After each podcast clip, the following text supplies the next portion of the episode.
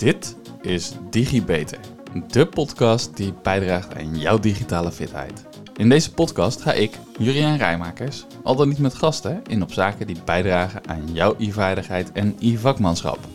Hey allemaal en welkom bij weer een nieuwe DigiBeter. De vorige keer heb ik het gehad over stroomstegels, over pseudocode en het daarmee toewerken naar algoritmen. Maar zoals we allemaal weten, is fouten maken menselijk.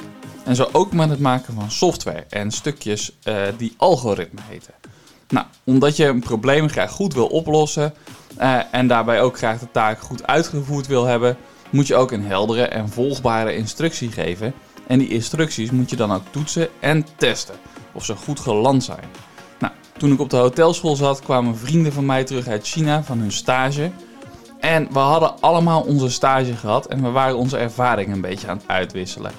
Ik was onder andere in het Verenigd Koninkrijk geweest. En daar had ik in het Verenigd Koninkrijk, daar was mijn laptop gestolen. En daarom zat ik in een kleine ruimte van het hotel, zat ik afgeschermd te werken achter een hotelsysteem. Nou, op een gegeven moment kwamen van mijn collega's langs en die begonnen een gezellig praatje. En na een tijdje kwam in dat praatje naar voren dat de gasten er misschien wel hinder van konden hebben dat ik daar zat. Mijn reactie was natuurlijk zoiets van, ja nee joh, ik zit helemaal weggestopt hier achter een muur op een plek. Er was eigenlijk nog nooit een gast geweest. Maar ja, uiteindelijk was de bedoeling van die collega dat ik daar weg zou gaan. Want tenslotte, het was een plek voor gasten. En er zou wel eens een keer een gast kunnen komen. Die instructies waren voor mij echt totaal onduidelijk. Ik snapte niet wat de bedoeling was. De collega vertrok zonder te testen of zijn verhaal nou geland was bij mij. En ja, een half uur later zat ik daar dus nog steeds. Nou, toen kwam wel de duidelijke boodschap gelukkig. Waar ik naartoe wil is, ja, dit had natuurlijk voorkomen kunnen worden als die collega gewoon even getest had of zijn boodschap ook aangekomen was. Of ik het begrepen had wat hij vertelde. Nou, ik heb het al eens eerder gehad over de Millennium Bug in podcast nummer 30 over nepnieuws. Weet je dat nog?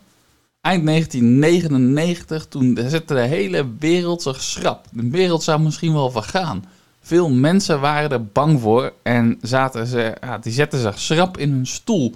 En toen de seconden aftelden, waren ze echt vol spanning aan het wachten. Het nieuws was dat er mogelijk een bug zich over de hele wereld verspreid had. Consultants waren de hele wereld over gevlogen om overal allemaal systemen te testen, maar niemand wist of het voldoende was. Sterker nog, niemand wist of het überhaupt wel nodig was. Men had een probleem voorzien op een manier hè, dat onze IT, waarop onze IT-systemen werken, want ontwerpers hadden in sommige gevallen er mogelijk niet bij stilgestaan dat de telling van de jaartallen van 1999 naar 2000 ook wel eens anders zou kunnen lopen. Oftewel, dat er van die 19 dat er een 20 moest worden. Hierdoor was de, ja, was de verwachting dat aan het eind van het jaar de telling terug zou springen naar 1900. Het heeft miljarden gekost, al dat testen, al dat stukjes oplappen van systemen. En uiteindelijk is er niet heel erg veel gevonden. Om middernacht zat ik vol spanning op mijn stoel voor de tv. Want ja, wat zou er gebeuren? Zouden er kernraketten door de lucht vliegen? Centrales ontploffen? Vliegtuigen uit de lucht vallen? Ja, je wist het niet. En hoe ging het lopen met die landen die nou amper geld hadden uitgegeven aan die bug? Zoals China en zoals Rusland. Klokslag middernacht en er gebeurde helemaal niets. Dat is een klein leugentje natuurlijk, want ja, we waren natuurlijk aan het proosten en oliebollen gingen we eten. Maar je snapt wat ik bedoel. In die zin gebeurde er helemaal niets. Er vielen geen vliegtuigen uit de lucht, er vlogen geen raketten door de lucht, er ontploften geen kerncentrales. En ook in de ziekenhuizen, alles bleef gelukkig gewoon lekker doorwerken. Er gebeurde dus praktisch eigenlijk niks op een paar hele kleine dingen na. Was het door alle getroffen maatregelen en alle fuss eromheen? Of was de data waarop de berichtgeving tot stand gekomen was, ja, was die wel voldoende onderzocht? Was het mede door de sensatie gewoon een van de grootste vormen van nepnieuws geworden? Nou, ik bespreek dit in onder andere episode 30. Wel is zeker dat dit één grote waarschuwing was voor IT'ers, voor programmeurs, voor codeschrijvers en ontwikkelaars. Die zijn er hopelijk wel iets scherper door geworden. En die testen niet meer alleen of het voldoet aan de verwachtingen, maar ze testen ook mogelijke foutpaden, onverwachte situaties en grenswaarden. Dubbelchecken kan gewoon geen kwaad. Kost soms wel iets extra tijd, maar ja, je moet er niet aan denken wat er zou gebeuren als er bij zo'n millenniumwisseling wel alles op deelt geslagen was. Maar ontwikkelaars in die tijd hadden hun code toen nog niet zo grondig gecontroleerd als ze hadden moeten doen. Toetsen, testen en evalueren. Want voordat je kan zeggen dat je je probleem echt opgelost had, dat je je taak kan volbrengen, zal je dit wel moeten controleren. De vijfde hoeksteen van computational thinking ontbrak in hun gedachteproces, in het proces van hun probleemoplossing. En die hoeksteen is wat mij betreft toetsen. Toetsen, testen en evalueren. Het is geen officiële hoeksteen. Ja, er zijn er eigenlijk natuurlijk maar vier. Hè. Daar begon ik mee. Decompositie, abstractie, patroonherkenning en algoritme. Maar je ziet er tegenwoordig, zie je er wel vaker meer. Ik heb de evaluatie eruit gepakt, omdat de evaluatie, achteraf terugkijken, dit stukje toetsen, testen, dat is gewoon ontzettend belangrijk. Na toetsen, testen en evalueren ga je door. Want als alles dan uiteindelijk eenmaal werkt, ja, dan kan je gaan automatiseren. Automatiseren is sowieso geen hoeksteen van computational thinking, want het gaat hier over jouw gedachteproces. Maar toetsen, testen en evalueren, dat dat geen officiële hoeksteen is, is mijn inziens minder belangrijk. Want ik zei het vorige keer al, check, check, double check. In de digitale wereld heb je voor testen methoden, best practices, onder andere gevat in TMAP. Nou, nou ga ik deze aflevering niet specifiek in op Teammap. Dat komt er later wel weer een keertje, want het is, maar het is nu te diepgaand. En voor deze keer, maar er is zeker overlap tussen wat er in Teammap vertelt en wat ik hier ga vertellen. Een soortgelijk verhaal als dat je van mij hoorde uh, zojuist uh, over mijn vrienden in China. Want zij probeerden daar uitleg te geven aan de medewerkers hoe ze de tafels moesten indekken. Ze vroegen zelfs een paar keer aan de collega's of die het wel begrepen hadden. Ze testen daar dus uiteindelijk een beetje hun uitleg. Echter, de manier van testen matchte daar niet met de medewerkers, met de medewerkers met hun cultuur. De output van de medewerkers was een antwoord dat ze de uitleg snapten. Ze zeiden overal ja op. En toen ze aan het werk gezet werden, toen bleek bij het evalueren van het resultaat dat de uitkomst toch niet het gewenste resultaat leverde. De toetsen en de test waren niet voldoende afgestemd op de cultuur. Daarmee werd ook niet het gewenste resultaat behaald. Sterker, ze moesten achteraf in de probleemoplossingsmodus om zo snel mogelijk alles nog te corrigeren. Ja, en dat was een behoorlijke last-minute inspanning die behoorlijk wat van de tijd en capaciteit, geld, extra geld kostte en ook extra stress opleverde.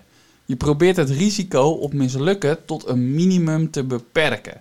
Soms kan je door het evalueren en het testen ook zelfs nog aspecten vinden die je verder helpen met het verbeteren, met het aanpassen, het vereenvoudigen of nog efficiënter maken. Nou, voor een programmeur begint met coderen is het altijd goed als hij een beetje een beeld heeft over waar die allemaal aan gedacht moet worden. Ik had afgelopen maand zelf een security training voor cloud computing. En als je vergeet informatieveiligheidseisen mee te nemen bij het coderen, dan wordt het achteraf best wel lastig en zo niet onmogelijk om ja, dat nog in een klus aan te gaan passen, om het nog te gaan wijzigen. Nou, datzelfde geldt een beetje voor ons met computational thinking. Als ik in kleine stukjes dingen heb uitgewerkt tot kleine stroomschema's, dan kan ik ze waarschijnlijk nog wel snel aanpassen, zoals ik die individueel aan het toetsen ben. Als je die samenvoegt tot één groot geheel, tot één groot stroomschema, en dat dan gaat testen, en dat levert niet het gewenste resultaat, nou, dan weet ik niet of je dat nou zo nog bijgesteld krijgt. Ik weet niet of je wel eens met Visio gewerkt hebt. Maar het aanpassen is dan toch een stuk minder leuk met allemaal verspringende ja, diagrammetjes. Hetzelfde geldt eigenlijk voor pseudocode. Of als je echt gaat coderen. In de kleine onafhankelijke stukken vind je waarschijnlijk nog vrij snel terug wat je fout gedaan hebt. In de kleine onafhankelijke stukjes code. Zodra je dit tot één grote ja, lab tekst maakt, zeg maar, om het zo, ja, dat, dat spreekt wat beter, denk ik ja, als het tot één geheel gemaakt is, dan is het toch een stuk lastiger en tijdrovender. Als je achteraf dat hele verhaal dan moet gaan evalueren en het is dan niet op orde, dan wordt het toch wel erg complex om te zien waar nou in zo'n zo'n stuk tekst nou de fouten zitten, in zo'n lab code nou de fouten zitten, hoe dat met elkaar interacteert. Voor je aan de slag gaat met de oplossing, het stroomschema of de pseudocode die je wilt gaan uitvoeren, is het dus goed om die te gaan evalueren. Is het goed te begrijpen? Is de code volledig? Is de code zo efficiënt mogelijk opgebouwd? En als ik er dan doorheen ben, is er dan ook voldaan aan de behoeften zoals ik die aan het begin gesteld had, waarvoor ik de code ging opstellen? Is mijn probleem opgelost of wordt mijn taak nu zo wel succesvol uitgevoerd als ik dit zou uitvoeren? Want ja, wat is testen nu eigenlijk? Testen bestaat uit activiteiten die uitgevoerd worden om één of meerdere kenmerken vanuit een product of vanuit een proces of vanuit een dienst vast te stellen volgens een bepaalde gespecificeerde procedure. Het is een proces dat inzicht geeft in en adviseert over de kwaliteit maar ook de daaraan gerelateerde risico's. Waarbij kwaliteit het geheel is van de eigenschappen en kenmerken van een product. De dienst, of in dit geval de oplossing van je probleem, of het uitvoeren van je taak dat van belang is om ja, te kunnen voldoen aan vastgestelde of vanzelfsprekende behoeften. Testen is dus een, ja, een effectief kwaliteitssysteem. Het is familie van uh, het reviewen, van simulatie, van inspecteren, van auditen, van keuren, van deckchecking, uh, walkthroughs, ja, noem maar op. Een grote vraag die je jezelf daarbij wel kan stellen is tijdens het toetsen en testen is heb ik nou misschien iets over het hoofd gezien? Misschien ben je bij het ontleden van je probleem of bij het uitwerken van je taak wel iets vergeten. Of heb je iets over het hoofd gezien waardoor je algoritme, je uitwerking uiteindelijk niet klopt. Ja, dat kan natuurlijk leiden tot een onvolledige oplossing. Of als je echt iets spannends over het hoofd gezien hebt, ja, dan kan het echt een bende worden, zoals dat hele verkeerde ingedekte restaurant. Als je dan weer teruggrijpt naar die chocoladesoufflé en naar die brownie, als ik daar de boter in vergeet, of de eieren, ja, bah, dan heb ik bloem met wat suiker en wat chocolade. Ja, dat, ja, dat wordt een heel gekke smaak. En ik weet uh, ik, ik weet het, als je nou brownie uit zo'n pakje haalt, hè, ja, dan hoef je er alleen maar water doorheen te kloppen. Maar ik doe niet aan pakjes. En als je vergeet in je proces op te nemen dat je de oven op een bepaalde temperatuur vervolgens moet zetten, ja, dan loopt het ook gewoon van je vorkje af. En dan zit je ook een beetje rauwe beslag weg te scheppen. Ja, het kan lekker zijn, maar met rauwe eieren er doorheen kun je er ook goed ziek van worden. Niet per se het doel dat je wilde bereiken. Nou ja, nu zijn dit nog relatief eenvoudig op te lossen problemen. Maar een algoritme, ja, een goed algoritme hoef ik niet bij te sturen. Je zorgt ervoor dat het goed gecontroleerd is en dat je kijkt of er niets is weggelaten. Maar als het dan toch niet helemaal lekker loopt, ja, dan krijg je misschien achteraf het uh, gedoe wat we ook nu met de kinderopvangtoeslag hebben. Ja, dan heb je gewoon totaal geen zin in. Goed, nou, ik heb de volledigheid nu gecontroleerd, maar snap jij het ook? Is de instructie die ik heb gemaakt voor het bakken van die brownie en die soufflé ook wel duidelijk voor jou. Ik zei namelijk al in de, voor, eh, in de vorige podcast hè, over het algoritme, het moet wel te volgen zijn. Als je wil dat iemand anders iets voor je doet, dan moet het in lijn zijn met jouw manier van denken, in lijn zijn met jouw manier van werken. Je moet het dus niet anders kunnen interpreteren of al verkeerd kunnen invullen en anders, daardoor anders kunnen werken dan bedoeld was. De instructies moeten niet mis te verstaan zijn als programmeur moet jouw algoritme, ja, dat zul je moeten uitwerken zodanig dat de stappen ervoor moeten zorgen dat iemand die de instructies heeft ook kans van slagen heeft met het uitvoeren daarvan. Heb je je taak dus niet goed uitgewerkt of is je probleem nog niet volledig ontleed, ja, dan kan het misgaan. Heb je te veel details eruit gefilterd, dan is de samenhang misschien ook niet meer te vinden. En zit er misschien nog wel te veel detail in, ja, dan ontneem je juist het zicht op de benodigde, eh, of de benodigde vrijheid om zo'n proces, om zo'n taak, zo'n algoritme goed uit te voeren. Heb ik de suiker als input voor mijn brownies en soufflé al allemaal op een hoop gegooid, ja, dan is de poedersuiker en de gewone suiker vermengd. Daar heb ik dus niets voor mijn decoratie en mogelijk een veel te zoete chocoladesoufflé en chocoladebrownie. Die gemixte hoeveelheid suiker is natuurlijk ook totaal niet efficiënt werken. Het is een chaos die je wilt voorkomen. Want hoe ga je dit nou nog netjes oplossen? Korreltje voor korreltje sorteren is natuurlijk geen optie. Je stroomschema en je pseudocode wil je net zo netjes en gestructureerd houden zodat het logisch is opgeschreven en dus ook goed te volgen. Dat je die, uh, ja, die soorten suikers niet door elkaar heen mengt. Je wilt immers dat de taak goed uitgevoerd wordt of dat je hoopt dat het probleem, ja, dat het een stuk eenvoudiger gemaakt wordt. Het gaat dus om het bereiken van efficiency. Dat is ook zo waar computational thinking om draait het zo efficiënt mogelijk toewerken naar een oplossing van je taak, de kern van je probleem. Die onnodige handelingen bij het bakken om die er tussenuit te halen en niet tien keer naar diezelfde laten lopen om het ingrediënt voor ingrediënt te pakken, maar zodat je alles in één keer kan meenemen als hetgeen wat je gemaakt hebt dus extra's of herhalingen bevat die onnodig zijn, ja, dan heb je je doel niet behaald. Je bent niet efficiënt op een efficiënte manier tot de kern gekomen. En je hebt ook niet bijvoorbeeld het patroon kunnen ontdekken van het telkens op en neer lopen naar die la met die ingrediënten. Ja, super zuur natuurlijk, want ja, dit, dit, niet zo, het is niet zo efficiënt om zo vaak te lopen. En hoewel die calorieën die ik er straks met de brownie en de soufflé dan weer aaneten best wel verbrand mogen worden, ga ik toch niet efficiënt om met mijn energie. Ik ga niet efficiënt om met de rekenkracht van mijn hersenen. Die rekenkracht wordt dus eigenlijk onnodig verspild. Ik heb het dan nog niet eens over de kosten die kunnen ontstaan door het niet goed toetsen en het niet goed testen. Want nu is het nog de suiker. En suiker, ja, dat kost niet zoveel. En als ik een half uurtje uurloon verbrand door het te moeten zeven of weg te moeten gooien, dan ja, het is misschien nog tot daaraan toe. Dat wordt al lastiger als ik, zoals ik ja, op de hotelschool wel eens deed, met een laagje bladgoud aan de slag ga. Een laagje bladgoud dat je dan over je brownie heen legt. Als dat per ongeluk oplost en voor de helft in je soufflé zit, dan, dan mis je het hele effect. Dus dan ben je, ja, ben je bladgoud kwijt. En je kan je voorstellen, dat is best wel een dure ingrediënt.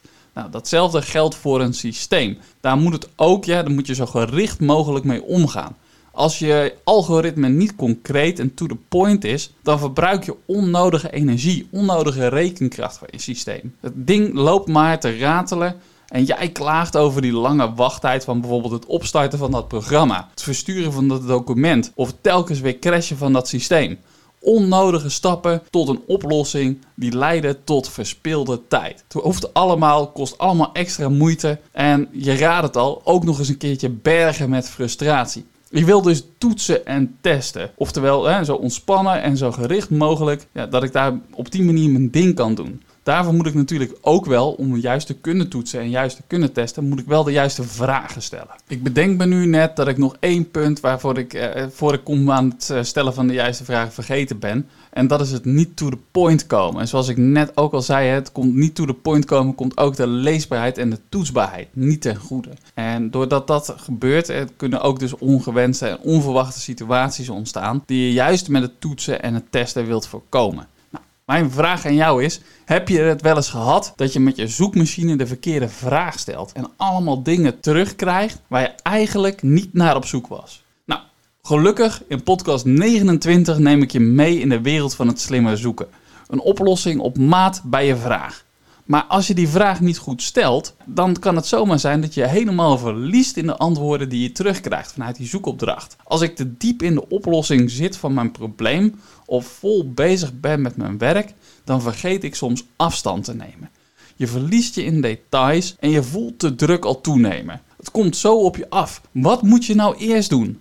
Je raakt daardoor eigenlijk nog sneller afgeleid. Je laat je misschien wel meeslepen of je reageert onbedoeld hard op dat mailtje van je collega. Naast efficiënt werken wil je natuurlijk ook nog eens een keer dat je uitkomst vervolgens, als je dat gedaan hebt, dat het ook zo doelgericht mogelijk is. Dat er voldaan is aan je behoeften. Je test namelijk om een antwoord te krijgen op welke risico's je loopt en welke maatregelen er genomen moeten worden om die risico's te verminderen, te mitigeren. Initieel is het om vast te stellen of de door jou gespecificeerde behoefte gerealiseerd is. Of dat wat je gespecificeerd hebt, of dat het juist is. Dat is een tweede. Je wilt wel ervoor zorgen dat de uitkomst daadwerkelijk doet wat je wilde dat het doet. Of het voldoet aan de behoeften van je probleem. In de decompositie hadden we de taak en het probleem opgesplitst en je hebt ze uitgewerkt. En nu is het goed om jezelf de vraag te stellen of de uiteindelijke oplossing ook alle subonderdelen, alle subtaken of subproblemen omvat die je geïdentificeerd had. Nou, ik hoop dat het antwoord daarop ja is, anders hebben we nog wel wat werk te doen. We hebben net geconstateerd dat we een probleem hebben, namelijk poedersuiker zit helemaal door de suiker. En als we suiker als één gedefinieerd hadden, dan is het daardoor dus door elkaar heen geraakt. Gelukkig hebben we, voordat we begonnen met het beslag, hè, dat hebben we nog even getoetst, hebben we onze toets uitgevoerd. En daarmee hebben we het op tijd ontdekt. We hebben het dus ontdekt voordat we de brownie voor de soufflé gingen maken. En niet pas bij het testen van het stukje van een brownie toen hij uit de oven kwam, toen hij al helemaal klaar was. En hoewel het snoepen van zo'n stukje warme brownie om te testen absoluut geen straf is, zijn we dan wel te laat natuurlijk. We zijn er gelukkig bij het toetsen dus al achter gekomen en hierdoor is het niet zo'n grote ramp. Je hoeft niet die hele brownie, die hele soufflé opnieuw te bakken. Het is dus goed dat ik het gecontroleerd heb. Nu nog wel even het probleem oplossen natuurlijk. Ik moet het gaan debuggen. Grappig feitje is dat debuggen oorspronkelijk komt van echt een bug of een mod. Dat is het uit tijd dat de computers nog uitgerust waren met van die uh, reletjes. En relais die kwamen vaak uit de telefoonindustrie. En die waren nog niet ingekapseld in een huisje. En daardoor, doordat ze nog niet ingekapseld konden worden, kon daar dus ongedierte zoals vliegen of motten konden daarin gaan zitten. Oftewel de bugs konden daarin gaan zitten. En dat gaf storingen. Het debuggen was dus letterlijk het vinden van zo'n storing en het weghalen van het stukje ongedierte, van die mot. We gebruiken debuggen eigenlijk nog steeds in de informatievoorziening. Mijn bug is dat de suiker gemengd geraakt is en ik ga het om toch zuinig te zijn met de grondstoffen, toch maar 7. Um, om dat op deze manier uh, om mijn storing op te lossen. Natuurlijk pas ik ook meteen wel even mijn stroomschema en mijn pseudocode en algoritme aan om te zorgen dat dit naar de toekomst toe voorkomen kan worden. Want misschien onthoud ik het zelf wel, maar ja, wie weet moet mijn oma volgende keer die brownie wel maken en anders maakt ze misschien wel dezelfde fout. Als je luistert, oma, nou bij deze. Nou, je kan natuurlijk toetsen om uh, vrijwel altijd er zeker van te zijn dat iets tot helemaal tot in de puntjes werkt.